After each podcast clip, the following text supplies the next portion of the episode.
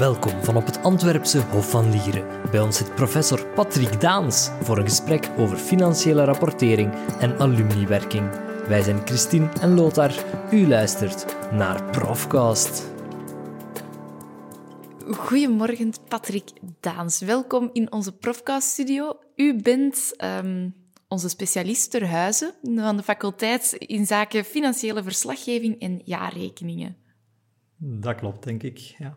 Ik geef inderdaad een aantal vakken die daarmee te maken hebben met financiële verslaggeving. Ja.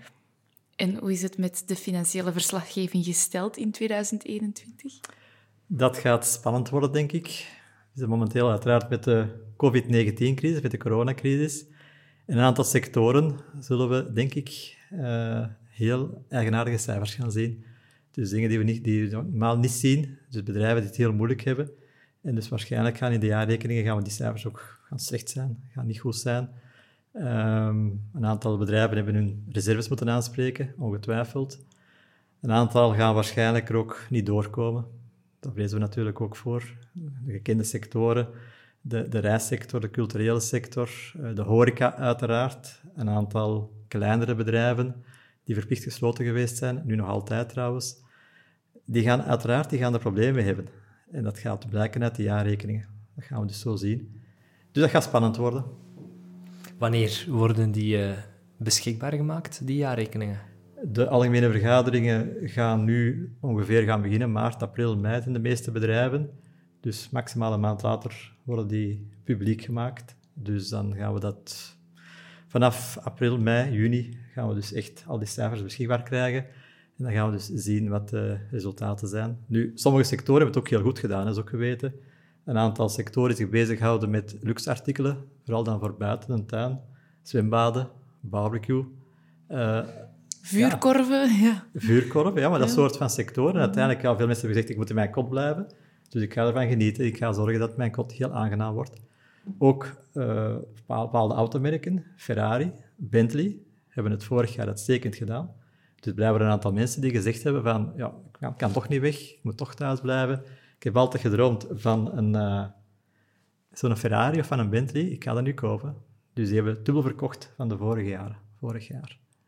Dus die hebben het dan weer goed gedaan, die kunnen niet klagen. De zwembadensector ook, die konden op een bepaald moment gewoon niet meer volgen. Die hebben gewoon gezegd, stop, die, die zijn volzet.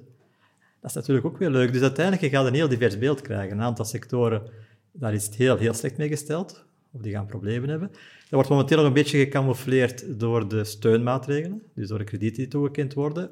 Sommige bedrijven kunnen zich daarmee recht houden.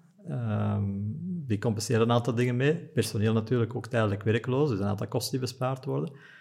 Maar we weten zo, een aantal bedrijven, jonge bedrijven die pas opgestart waren, die, die heel veel leerlingen hebben gedaan, die gaan het heel moeilijk hebben. En natuurlijk, ja, oké, als je als een hele tijd bezig bent als bedrijf, uh, je hebt alles is betaald, of grootste is al betaald, je hebt een serieuze buffer opgebouwd, oké, dan gaat dat pech zijn voor u, dan gaat u dat wel, maar gaat er wel overleven, gaat er wel doorkomen. Maar uh, we zullen zien wat het geeft. En heb je zelf een luxe aankoop gedaan tijdens de lockdown? Nee, niet echt, nee. Geen barbecue? Geen barbecue. Zwembad? Geen Ferrari, geen zwembad, nee, nee, toch niet. U heeft dat allemaal al.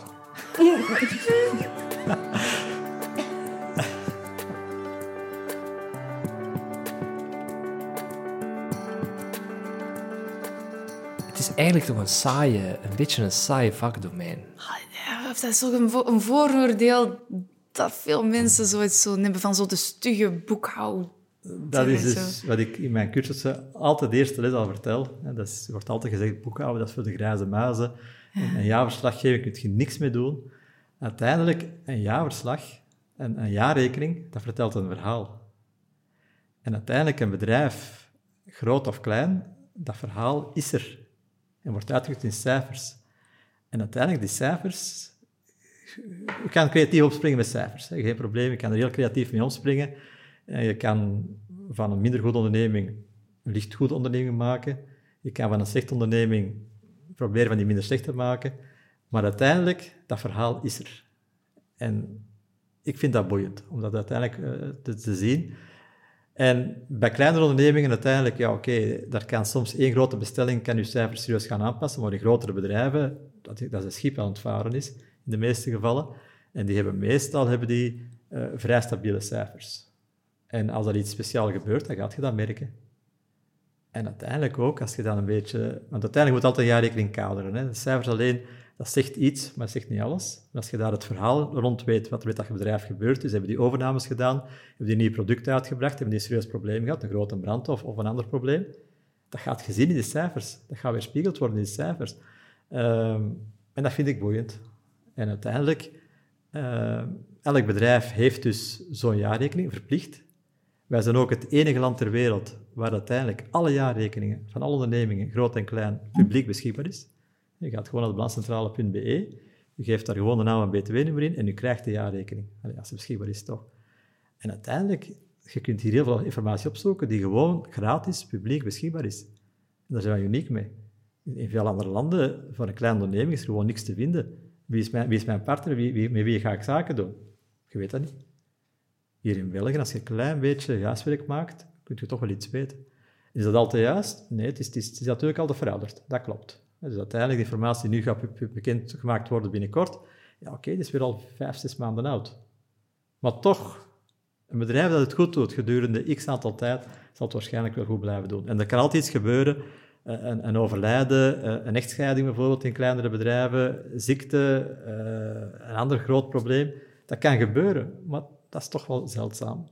En ik, ik doe ook faillissementen als, als rechter, dus ik zie uiteindelijk ook wel in een aantal gevallen dat is een aangekondigde dood. Een bedrijf dat failliet gaat, dan ziet je zo die cijfers die zijn slechter, slechter, slechter aan het worden. Ik vind dat boeiend.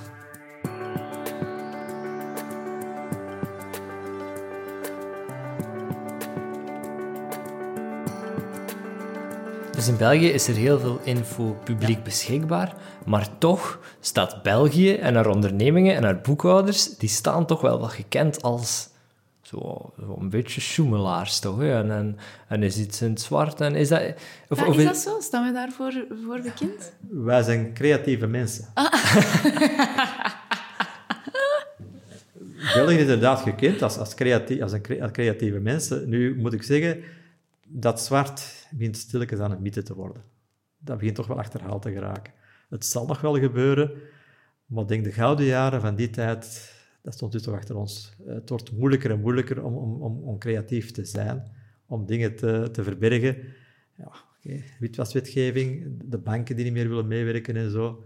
Dat is inderdaad zo geweest. Dat is, uh, als ik de verhalen hoor van ondernemers die in de jaren 60, 70 actief waren, toen kon heel veel.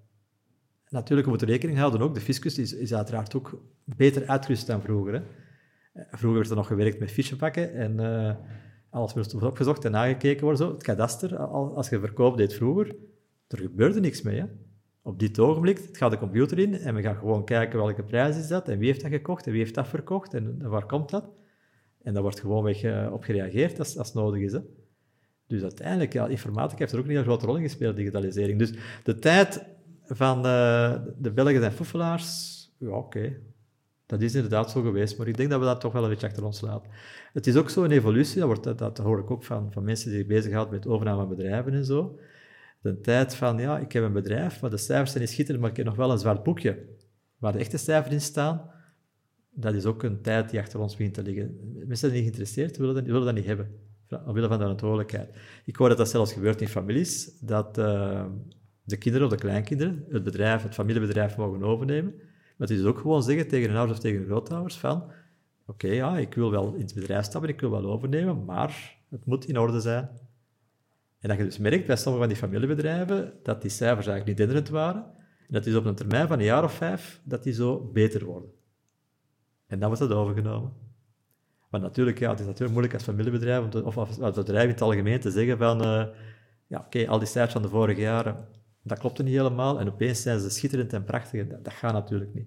Dus dan gaat men meestal over een termijn van een jaar of vijf, gaat men dat zo wat bijsturen. Zo'n aantal dingen aanpassen. Om dan tot reële cijfers te komen. Dus dat is een evolutie die we momenteel zien met de jeugd. Dat ze dus daar minder geïnteresseerd zijn.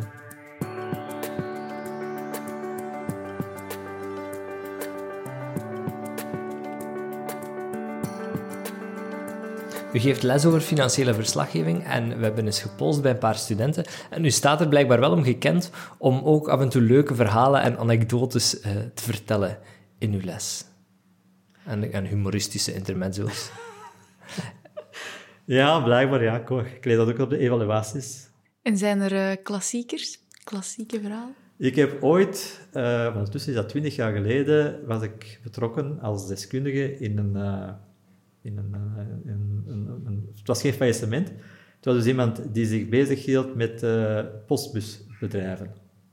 Dus die had dus een gebouw staan, hier in Antwerpen ergens, en dus dat kon een bedrijf dat dus wat problemen had, kon daar een kantoortje huren, uh, drie meter op drie meter, stond een kast in, een tafel en een stoel. En dan kon u daar, dus ja, de laatste zes maanden voor het faillissement zijn belangrijk, dan kon u daar uw, uw bedrijf vestigen en dan kon u vervolgens failliet gaan. Dat was eigenlijk de, de insteek van die man. Dat was ongeveer, dat was op dat ogenblik iets van een, uh, ik weet de dag niet meer juist, maar het kwam uiteindelijk op neer, dat kostte nu iets van een duizend euro per maand. En hij had 30 kantoortjes. Dus dat was geen slechte business. En op een bepaald ogenblik, uh, ja, als we daar binnenkwamen, we zijn daar binnengevallen, omwille van een, een, faillissement dat daar gebeurd was, en de curator de boekhouding nagekeken, had dus vastgesteld dat daar op een bepaald ogenblik in dat, in dat bedrijf 2 miljoen euro was binnengekomen, en dezelfde dag was dat bedrag overgeschreven naar een bedrijf van onze brave vriend. En uh, dus, ja, zeg natuurlijk, ja, oké, okay, 2 miljoen in een faillissement, dat is heel veel geld. En hij had al een paar keer geprobeerd hem te contacteren, maar kreeg geen antwoord.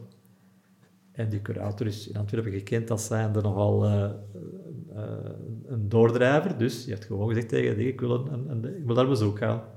Dus we zijn daar gaan, dus computerdeskundige erbij, uh, politie erbij, uh, sloten maken als nodig was en zo. En we zijn dus binnengegaan in dat gebouw en er zat dus een mooie balie, allemaal marmer en zo, een mooi gebouw. En er zat een jonge dame achter de balie. Uh, zeggen, een heel knappe dame. Die... ik, ik, kan het mij goed voorstellen, ja. Leuk dat je zoveel details geeft.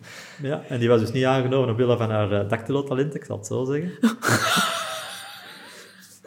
en... Uh, ja, maar ja, ik, ik vertel gewoon weg zoals die in elkaar zit. En, en ik vind dat wel grappig, maar ja, dat is niet grappig bedoeld. Hè. Dat, is, dat is gewoon de waarheid. Hè. Dus in ieder geval, die dame zat er dus. Hè. En uh, dus we vragen dus om, om, de man in kwestie te spreken. Oh, geen probleem, die komt naar beneden. En uh, ja, dat was zo... Je kent kampioenen, meneer Boma. Maar dan, dat was op dat ogenblik van, van 1820 denk ik, na 30 jaar was hij zo een permanent à la Jean-Marie Faf, allemaal krulletjes zo, zijn hemdje allemaal lopen, gouden ketting aan. Het was een speciale figuur, een echte zakenman, je dat trekt. En dus hij was heel vriendelijk. En dus uh, zegt, ja, kunnen wij u een keer spreken? Ja, kom maar mee. We hebben onze kantoor, een prachtig kantoor, heel groot kantoor, heel groot bureau. Uh, toen was wel een kunst tegen de muur en zo, want hij had een graffiti-kunstenaar in dienst genomen, maar die kan dan overal die dingen maken. Allee, het was, was, was een moeite. En uh, de curator zegt, oké, wij komen bij u in verband met dat faillissement. Zegt u dat iets? Ho, ho zegt me dat iets? Niet echt. Ah, je hebt wel 2 miljoen euro gekregen van dat faillissement. Ah, ja, ja, ja, ja, nu weet ik het terug. Ja, wat heb je daarvoor gedaan? Ah, advies gegeven. Amai, advies? 2 miljoen euro voor een advies, dat is wel duur, hè? Ja, ja, ja. Uh, kennis moet betaald worden, hè? Ja, maar ja, dat bedrijf is wel failliet gegaan. Ja, het kan niet altijd lukken, hè. Goed, oké, ja, ik heb wel geen factuur gezien voor advies van 2 miljoen. Weet je met dat geld gedaan? Ja, ik heb met dat geld gedaan. Ik heb daar uh, nou, een paar auto's mee gekocht. Maar je 2 miljoen. Ja, wat heb je daarmee gekocht? Hij zegt hem, ik heb een Rolls Royce gekocht. Ik vind als ik klanten heb en ik moet die gaan afhalen op de luchthaven of ik moet die mee gaan eten of zo, dan moet je toch in stijl kunnen doen. Dus ik heb dat losgekocht, maar geen nieuwe, hè. niet zot, hè. Geen nieuwe. Ah ja, en dan, ja, om me daar te verplaatsen, een Mercedes S-klasse. Hij zegt, want ja, stop voor de deur, ja, knappe auto, knappe auto, echt. Heel tevreden dan.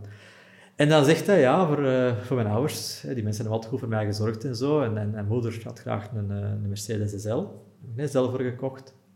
En voor ons vader een Jaguar.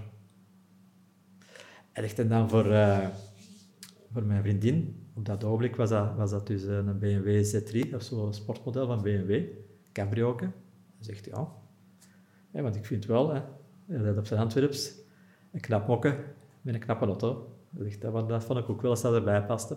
Hij zegt aan de moeder van mijn zoon, hij zegt, ja, oké, okay, die knapske naar de kleine school brengen, zo, een fiesta. Hij zegt, dat is goed genoeg voor dat mens. En dan weer in het weekend, want ik ontspan mij graag eens een keer, ehm, twee, twee crossmoto's. En dan zegt hij, want ik ken mijn wereld, hij zegt op elke auto een gepersonaliseerde platen. Hij zegt, ja, dat, is, eh, dat hoort erbij. Hè. Hij zegt, ja, toen was het ongeveer op en zo. Hij zegt, maar ja, ik vind wel, ik heb dat wel verdiend. Hè. Dan zegt die curator, toch niet helemaal akkoord dat je dat echt verdiend hebt en zo. Um, nou, zeg maar waar die auto staan, je kan die in beslag nemen. Hè. En op dat ogenblik was hij niet zo vriendelijk meer. Ja, je moet natuurlijk ook voorstellen, die mensen vertrekt morgens thuis met een Mercedes S en die komt thuis met een tram. Hè. Dat is, voor de geburen dat niet leuk. Hè. En dan is gewoon weg. Ja, een, ophaalfirma rondgestuurd en al die auto's zijn dus opgeladen en die op een verkocht geweest. Voor het faillissement dus. Hè. Dus... Uh, nu met die man, want natuurlijk dan zie ik al direct een aantal studenten die denken, oh, zeg, we hebben thuis ook wel een paar kamers op overschot en uh, eh, 1000 euro per maand, zes maanden minstens. Hm, dat is wel een mooie business. Ik moet zeggen, die man hebben ze een half jaar later dood teruggevonden aan het kanaal, er aan het kanaal. En hij had dus uh, drie kogels in het achterhoofd, dus dat was zeker geen zelfmoord. Dus waarschijnlijk heeft hij ergens een deal gemaakt die verkeerd gelopen is. Dus je ziet, je kunt dus wel geld verdienen met uh, creatief te zijn, maar het kan ook mislopen. Maar het grappig verhaal heeft wel een luguber einde gekregen. Uh, ja, ja, inderdaad. Meneer Boma of okay. ja, en wat ik me nu ook afvraag is wat dat meisje achter de balie daarvan zou denken. wat zullen we, zullen we Daar zit hij nog altijd. We zijn ondertussen wel verder in het verhaal. Lothar, kom aan.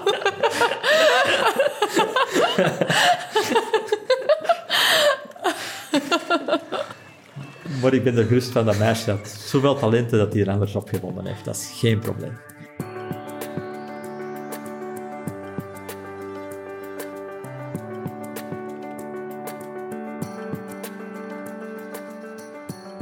Nu, Patrick, u bent nauw betrokken bij de alumniwerking van de faculteit. Dat klopt, ja. Wat doet u juist uh, daarvoor? Ik ben een van de medeoprichters van Allegia. Dus dat is de alumni-vereniging van de faculteit. En ik was daar vooral actief bij NSK-alumni. Dus uiteindelijk, ja, iedereen weet, de faculteit is, is eigenlijk een, samengaan van twee faculteiten, die het vroegere RUC uit vroegere UFSIA. Dus ik was actief bij NSK-alumni, hier was het de Vikings Senioren. En uh, de fusie kwam van de faculteiten, van de twee faculteiten, samen nog met een UEA die dan nog bijgekomen is. En op dat ogenblik stonden wij voor een keuze bij de alumniwerking van toenmalige RUCA. Wat gaan we doen? Ofwel blijven wij gewoon als, vereniging bestaan en dan gaan wij uitsterven. Want we hebben natuurlijk wel een heel pak leden natuurlijk, maar ja, die mensen worden ouder en ouder, er gaan geen nieuwe bijkomen. Het wordt een nieuwe faculteit met, met nieuwe, nieuwe afstudeerrichting eigenlijk. Dus er gaan nieuwe, nieuwe dingen, dat, dat, dat, gaan we gewoon uitsterven, zoals de Franstalige secties. Want uiteindelijk hier vroeger, in de, tot in de jaren 60, was hier de Franstalige opleiding ook. Die had ook een eigen vereniging, vrij actief zelfs. Die zijn nu ook mee gestopt de laatste jaren, omdat ja, gewoon de, de, de laatste was voorzitter geworden en, en, en dat was het dan. Dus uh, hebben we gezegd, ja, nee, dat gaan we niet doen. Dat heeft, dat heeft geen zin. Uh, we hadden uiteindelijk wel een, een, een vrij actief bestuur. Van nu gewoon weg met datzelfde groepje, dat dan kleiner en kleiner gaat worden, bezig blijven, heeft niet veel zin. Dan zijn we gaan praten dus met onze tegenhangers, de Viking senioren en met de faculteit op dat ogenblik. En gezegd, oké, we hebben dus het idee voor een nieuwe, overkoepelende alumnivereniging. Dus de twee kunnen blijven, wij komen er gewoon bij. En zowel de senioren als de faculteit hadden mee akkoord. En dat is eigenlijk het begin geweest van die overkoepelende alumnivereniging. We hebben dan een naam moeten zoeken, dat was nog een kleine wedstrijd voor wat uitgeschreven geweest. Daar kregen we niet echt veel antwoorden op, moet ik zeggen. Maar uiteindelijk heeft dan Carlos Sudan, onze voormalige decaan, is er afgekomen met Allegia. Dus hij zegt altijd Allegia. Dus alumni, economie, handelsingenieur Antwerpen. En dat vonden we eigenlijk, iedereen vond dat een mooie naam. En daar zijn we daarmee begonnen. Dus jullie, met Allegia, jullie hebben een magazine, ja. jullie versturen e-mails en jullie organiseren activiteiten waarvan eigenlijk de meest prestigieuze toch wel de jaarlijkse... Uh, de, jubilarische viering. Jubila het woord ontging met jubilarische viering is, toch? Inderdaad, ja, dat is een heel succesvolle activiteit.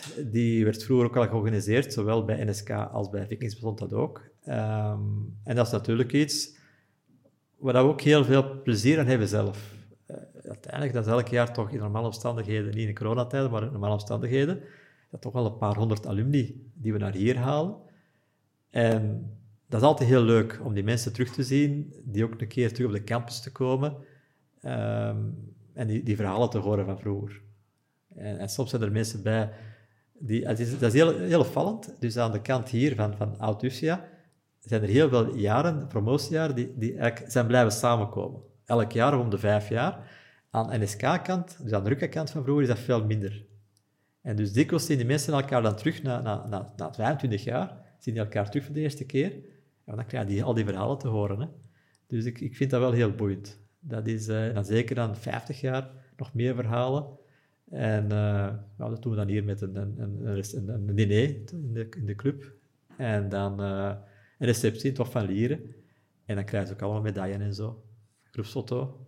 Dus, uh, en sinds enkele jaren, op vraag van de alumni zelf, doen we dus ook 55 jaar, 60 jaar, 65 jaar, 70 jaar doen we ook. Dus voor mensen die 70 jaar afgestudeerd zijn? Ja, dat zijn er uiteraard niet veel.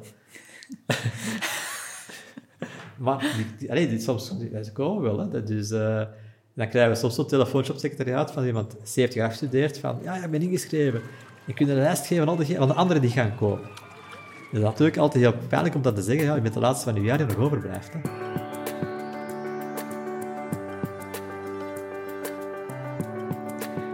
Moet zich steeds blijven vernieuwen, zeker sinds de komst van sociale media. Ja, vroeger bestond dat niet. En eh, ik heb het verhaal gehoord dat ze bijvoorbeeld was een tentoonstelling van Insor op een bepaald ogenblik in Oostende. En, en NSK was dat in de tijd. NSK Lum die, uh, had dan dat geboekt. Ja, drie volle bussen, hè die naar Oostende reden. Hè. En daar hebben we een hele leuke dag van gemaakt, met dan die tentoonstelling bezocht, toch samen iets gaan eten, restaurant geboekt en zo, een wandeling gemaakt in Oostende en teruggekomen.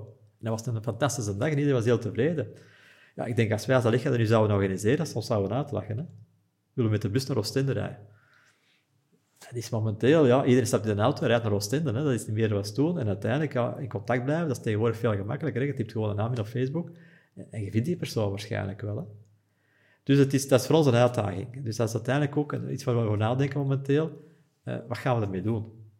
Want, want dat aspect van gewoon zorgen dat men terug met elkaar in contact komt, dat wordt minder. En dat merken wij ook. We merken ook wel, als de mensen lang afgestudeerd zijn, dat dat terug beter wordt. Dat zo terug toch wel komt zo... Na 25 jaar zo, is dat zo van, ah ja, we gaan toch nog eens een keer gaan.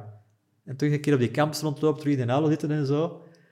Dat is wel leuk. We hebben ooit, dat was nog in een tijd bij, nee, was dat Lechje was dat dan, hebben we ooit eens een keer naar de Schilderstraat geweest. Dus uiteindelijk, historisch gezien, uh, zat vroeger in de Schilderstraat in Antwerpen, waar later wat gift geweest is, vertaler Tolken. Dat was eerst het, het, uh, de handelshogeschool zat daar. En hebben we daar in de aula, die is nog altijd aanwezig in de aula, dat is zo'n hele hoge aula, heel oncomfortabel moet ik zeggen. En hebben we daar gezeten, die mensen vonden dat fantastisch. Hè? Dat waren toen mensen die 50 jaar gestudeerd waren. En nog 50 jaar dat die terug in een aula, dat ze dus meer dan 50 jaar geleden gezeten hadden. Dat was ongelooflijk voor die mensen.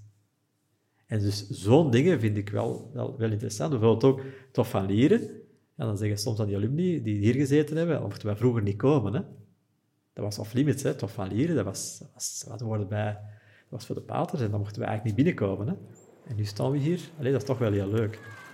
Eh, de binnentuin terugzien en zo. Allee, ja, dus uiteindelijk is dat wel iets dat, dat bij de mensen dat dus heel goed overkomt, die belaarservering.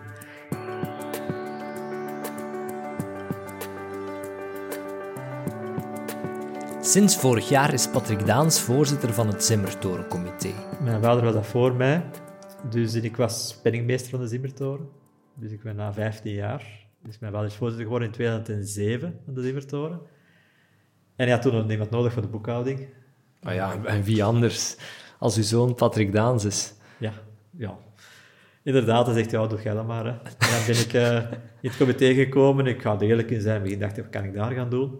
Maar hij had dat dan gevraagd, dus ik heb dat dan gedaan. En ik moet zeggen, je groeit daar wel in.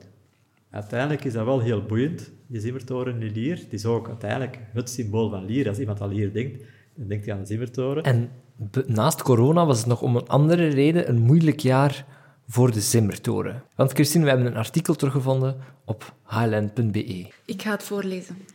Liernaar mist bus omdat klok van Zimmertoren al maanden tien minuten achterloopt. Ja, dat is ook zo... Wereldnieuws, hè? Ja, Wereldnieuws. een schitterend artikel. En eh, voor de luisteraars, je moet het maar eens opzoeken. Uh, Patrick Daans komt er ook in aan het woord om het verder toe te lichten. Ik weet het, dat is zelfs op Studio Brussel geweest. mijn naam en toen heb ik daar genoemd de Studio Brussel, om dus te zeggen dat de Zimmertoren 10 minuten achterliep. Ja, dat klopt. Dat was dus, wij hebben wereldnieuws. Dus iedereen vindt dat in Lier, dus heel normaal dat dat allemaal juist is, dat dat goed loopt, alhoewel dat pure mechaniek is. En ja, zodra als ik ook dan stilstaat of, of eens een keer, eens een keer rateert, is dat groot nieuws. We zijn ooit op VTM geweest, een jaar of tien geleden. En toen is iemand naar VTM gebeld, en dat was toen in komkommertijd, midden in de zomer. En toen stond, inderdaad, was een probleem, een technisch probleem, dat was stilgevallen. Toen zijn we het nieuws geweest van VTM, want dat is Invertoren Lier stond stil. Dat is blijkbaar altijd heel groot nieuws. Dus iedereen vindt dat heel normaal, dat uiteindelijk, dat is mechaniek die 90 jaar oud is, dus iedereen vindt dat heel normaal, dat dat altijd ja staat. Oké, we doen er ook ons best voor. Maar uiteindelijk, mechaniek is mechaniek. En is mijn, mijn vijf of zes eh, technische mensen, die vertellen mij, ja, we gaan dat nooit 100% juist krijgen. Een digitaal uurwerk is, is altijd juist. Maar mechaniek is niet mechaniek. Als het warm is, dat maakt een verschil tegen het winter is. En ja, oké, dat, wordt, dat wordt in de gaten gehouden, dat het zo goed mogelijk loopt. Maar uh, inderdaad, ja, dat was toen groot nieuws. In een andere reden. Ik kreeg toen een pak telefoons opeens. Maar dat, dat verhaal van die inwoner die zijn bus gemist heeft, dat is echt gebeurd. Oh, het is echt gebeurd dat hij dus uh, daar veel tamtam heeft over gemaakt. Nu hoor ik vertellen van mensen in Lier dat hij de bus niet neemt, die man. dus het is niet helemaal waar het verhaal. Maar hij heeft inderdaad contact genomen en is met erop gesprongen. Maar dus ja, nu ook als je dan die klok van de Zimmertoren moet voortgaan met bus te nemen. Ik weet het niet hoor. Maar bon, goed. Het is, het is wat het is. Ja, het was, het was een heel interessant verhaal. Heel erg bedankt voor uw komst naar deze profcast. Veel succes nog met alles waarmee je bezig bent. En tot Want de volgende is veel, keer. ja. Ja, dat is veel. dat is veel, voilà. Dank je wel. Dit was Profcast met Patrick Daans. Bedankt voor het luisteren. Wil je meer horen? Surf dan naar uantwerpen.be schuine profcast.